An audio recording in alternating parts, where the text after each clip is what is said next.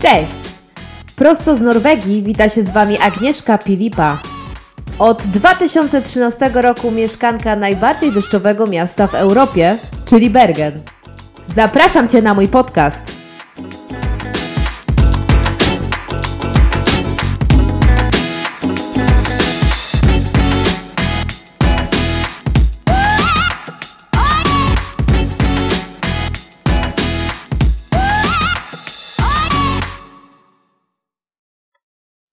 Witam Was serdecznie w pierwszym odcinku mojego podcastu, prosto z Norwegii. Mówię do Was prosto z Bergen, a dokładnie z wyspy znajdującej się kawałek za Bergen, czyli Askoj. No udało mi się zacząć nagrywać w Dzień Kobiet, bo teraz kiedy włączyłam mikrofon jest 8 marca dokładnie. No jest to mały prezent dla mnie. Małe spełnienie marzeń, głęboko skrywanych i zakopanych pod myślami, że na pewno to się nie uda i że to bez sensu. I słuchajcie, nagrywam to, zaczynam to nagrywać chyba 15 raz. Ciągle mi się nic nie podoba po nagraniu i ciągle jestem zestresowana, że to bez sensu. Dalej mam te myśli. Ale stwierdziłam, że to już jest ten, ten raz, 15. I to już tak musi być, tak już musi zostać. Więc pomysł, słuchajcie, na podcast przyszedł do mnie, myślę, że dobre pół roku temu. Najpierw miałam się, biłam się z myślami, czy w ogóle komuś o tym powiedzieć. Bo, no bo co ja sobie myślę w ogóle? O czym ja chcę mówić? No mnie osobiście wciągnęły w ten świat czytania uszami podcasty kryminalne. Jesteśmy od y, dziewięciu lat y, z moim mężem właścicielami psa rasy Border Collie. No i, no i Kari musi mieć, y, jak to taka rasa, po prostu Kari musi mieć zapewnioną dużą dawkę, stałą dawkę ruchu codziennie. No i zadań umysłowych także. No i kiedy dzieciaki były małe, często mąż i mój teściu, który z nami mieszka, dbali o to, żeby pies był wieczorem wymęczony dostatecznie spacerem. No ale dzieciaki podrosły. Mama już nie była niezastąpioną e, karmicielką przy usypianiu. No i stery mógł przejąć tata. No i wtedy zaczęłam praktykować długie spacery. Najpierw z muzyką ze Spotify, no ale kiedyś w podpowiedziach zaczęły mi wyskakiwać podcasty kryminalne. No i tak się zaczęło. Moją rutyną były długie spacery z rana i wieczorami ze słuchawkami na uszach. No i później doszły podcasty o innej tematyce. Motywacyjnej, psychologicznej, o rodzicielstwie, o inwestowaniu nawet, słuchajcie. I tak e, pomysł się zrodził i dość szybko doszłam do wniosku, że mam minimum kilka zapytań na Instagramie w tygodniu, żebym opowiedziała, jak się żyje w tej Norwegii. No, ja mam kilka, tak, ja mam kilka takich zapytań, a co dopiero takie duże konta. Ludzie pytali też o ciekawostki, jakieś złote rady, ile trzeba mieć pieniędzy na początek i tak dalej. No myślę, że tematyka emigracji jest od dłuższego czasu na topie. Dużo ludzi w tym świecie, który jest taki niestabilny, chce znaleźć najlepsze miejsce do życia dla siebie i swojej rodziny. No nie powiem ci, że Norwegia to najlepszy kraj do życia dla ciebie, no bo niestety każdy musi tutaj przejść y, tę drogę sam ale mogę pomóc w tym podcaście, żeby było trochę łatwiej, żebyś mógł zrozumieć pewne zachowania i tradycje. No ja kiedy postawiłam dokładnie 10 lat temu pierwszy raz nogę na norweskiej ziemi, nie wiedziałam kompletnie nic o tym kraju. Do wszystkich informacji dochodziłam sama, dowiadywałam się, jakie mają właśnie tradycje, zasady i próbowałam zrozumieć dlaczego. No bo tak naprawdę dużo zachowań narodu wiąże się z jego historią. Wszystkie informacje tutaj zawarte będą moimi osobistymi doświadczeniami, no i ewentualnie postaram się podać przykłady ludzi, których znam i mieli trochę inaczej jednak, no bo wiadomo, nie każdy ma tak samo. Każda historia jest inna. Nawet jeśli żyjesz właśnie w swoim ojczystym kraju, no to, to każdy ma inną historię. Porównywanie się nigdy nie przynosi dobrych skutków, no bo wpędza nas niestety w smutne stany, jeśli coś nie idzie po naszej myśli. No dobra, więc o podcaście dalej. Poszłam do mojego osobistego męża, przez którego głównie mieszkamy za tą granicą. Jesteśmy tymi emigrantami. No i zgadnijcie, co on mi powiedział na ten pomysł podcastu. No dajesz, Aga. Co potrzebujesz? Jak ci pomóc? Wierzę w ciebie i na pewno będzie super. No niestety gorzej, jak się nie wierzy w samego siebie tak bardzo, jak wierzą w ciebie inni. Więc odłożyłam na półkę ten pomysł, skupiając się na pięknych matpakach, zawsze pełnej lodówce i ciepłym obiadku, no dla innych dla siebie. No znajdując milion wymówek, dlaczego to jest głupi, beznadziejny pomysł, dlaczego to nie wyjdzie, No Jarek oczywiście raz na jakiś czas ruszał, yy, ruszał tą myśl tam gdzieś głęboko schowaną.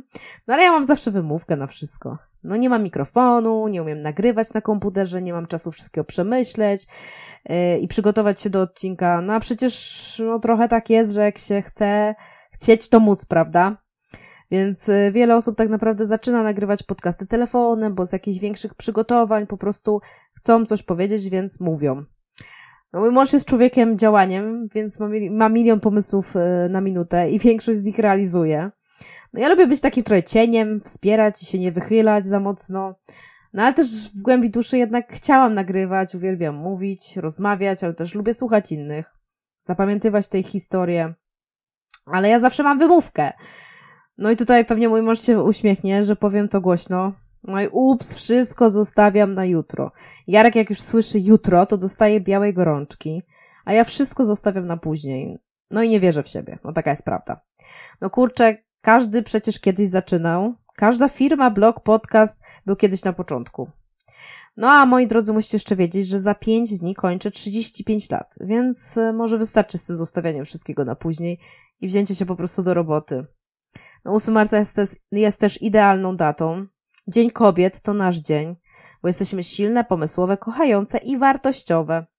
Więc zaczęłam powolutku oswajać się z myślą, że mogę to zrobić. Napisałam to kilku osobom, tak mimochodem. Mm, no wszyscy odpisali, że to super pomysł. Ale jeszcze chwila, jeszcze chwileczkę i nagle bach. Po prostu kupiłam mikrofon tak, po prostu, bez przygotowania. I zabrałam się do pracy. Wszystko jest dla mnie nowe. Program do nagrywania to czarna magia. Nie jestem w ogóle techniczna. No ale dam radę, no. Zrobiłam już intro, więc no dam radę. Kto jak nie ja. No mam nadzieję, że wszystko ogarnę. Mm, wszystkie ustawienia, żebyście, że szybko ogarnę wszystkie ustawienia, żebyście mieli duży komfort słuchania. No to będzie taki podcast trochę słodko-gorzki, bo emigracja nie jest łatwa. Ja też nie jestem zakochana w Norwegii, choć lubię tutaj mieszkać. Mm, ale zauważam jej plusy i minusy i, i chcę tutaj mieszkać, ale jakbym musiała wracać do Polski, choć takich planów nie ma, no to pewnie byłoby mi mocno przykro, ale myślę, że czasem bym to jakoś zaakceptowała. Po prawie 10 latach życia za granicami Polski mam też często błędne postrzeganie kraju ojczystego już. Ja wyjechałam dość dawno, dość dużo rzeczy się zmieniło. Wiele cen poszło do góry, wiele urzędów działa inaczej. No tak y, już te Teraz już często się śmiejemy, że jest y, bardzo drogo w Polsce, no ale pamiętamy nadal średnie zarobki inne, średnią, tą minimalną krajową inną.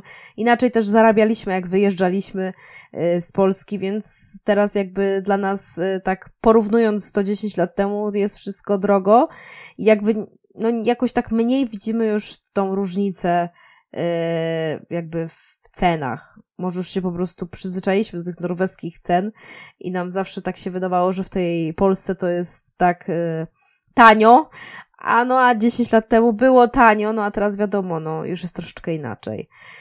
No swoją drogą pierwszy raz na norweskiej ziemi postawiłam y, nogę mm, w lutym 2013 roku, czyli dokładnie 10 lat temu.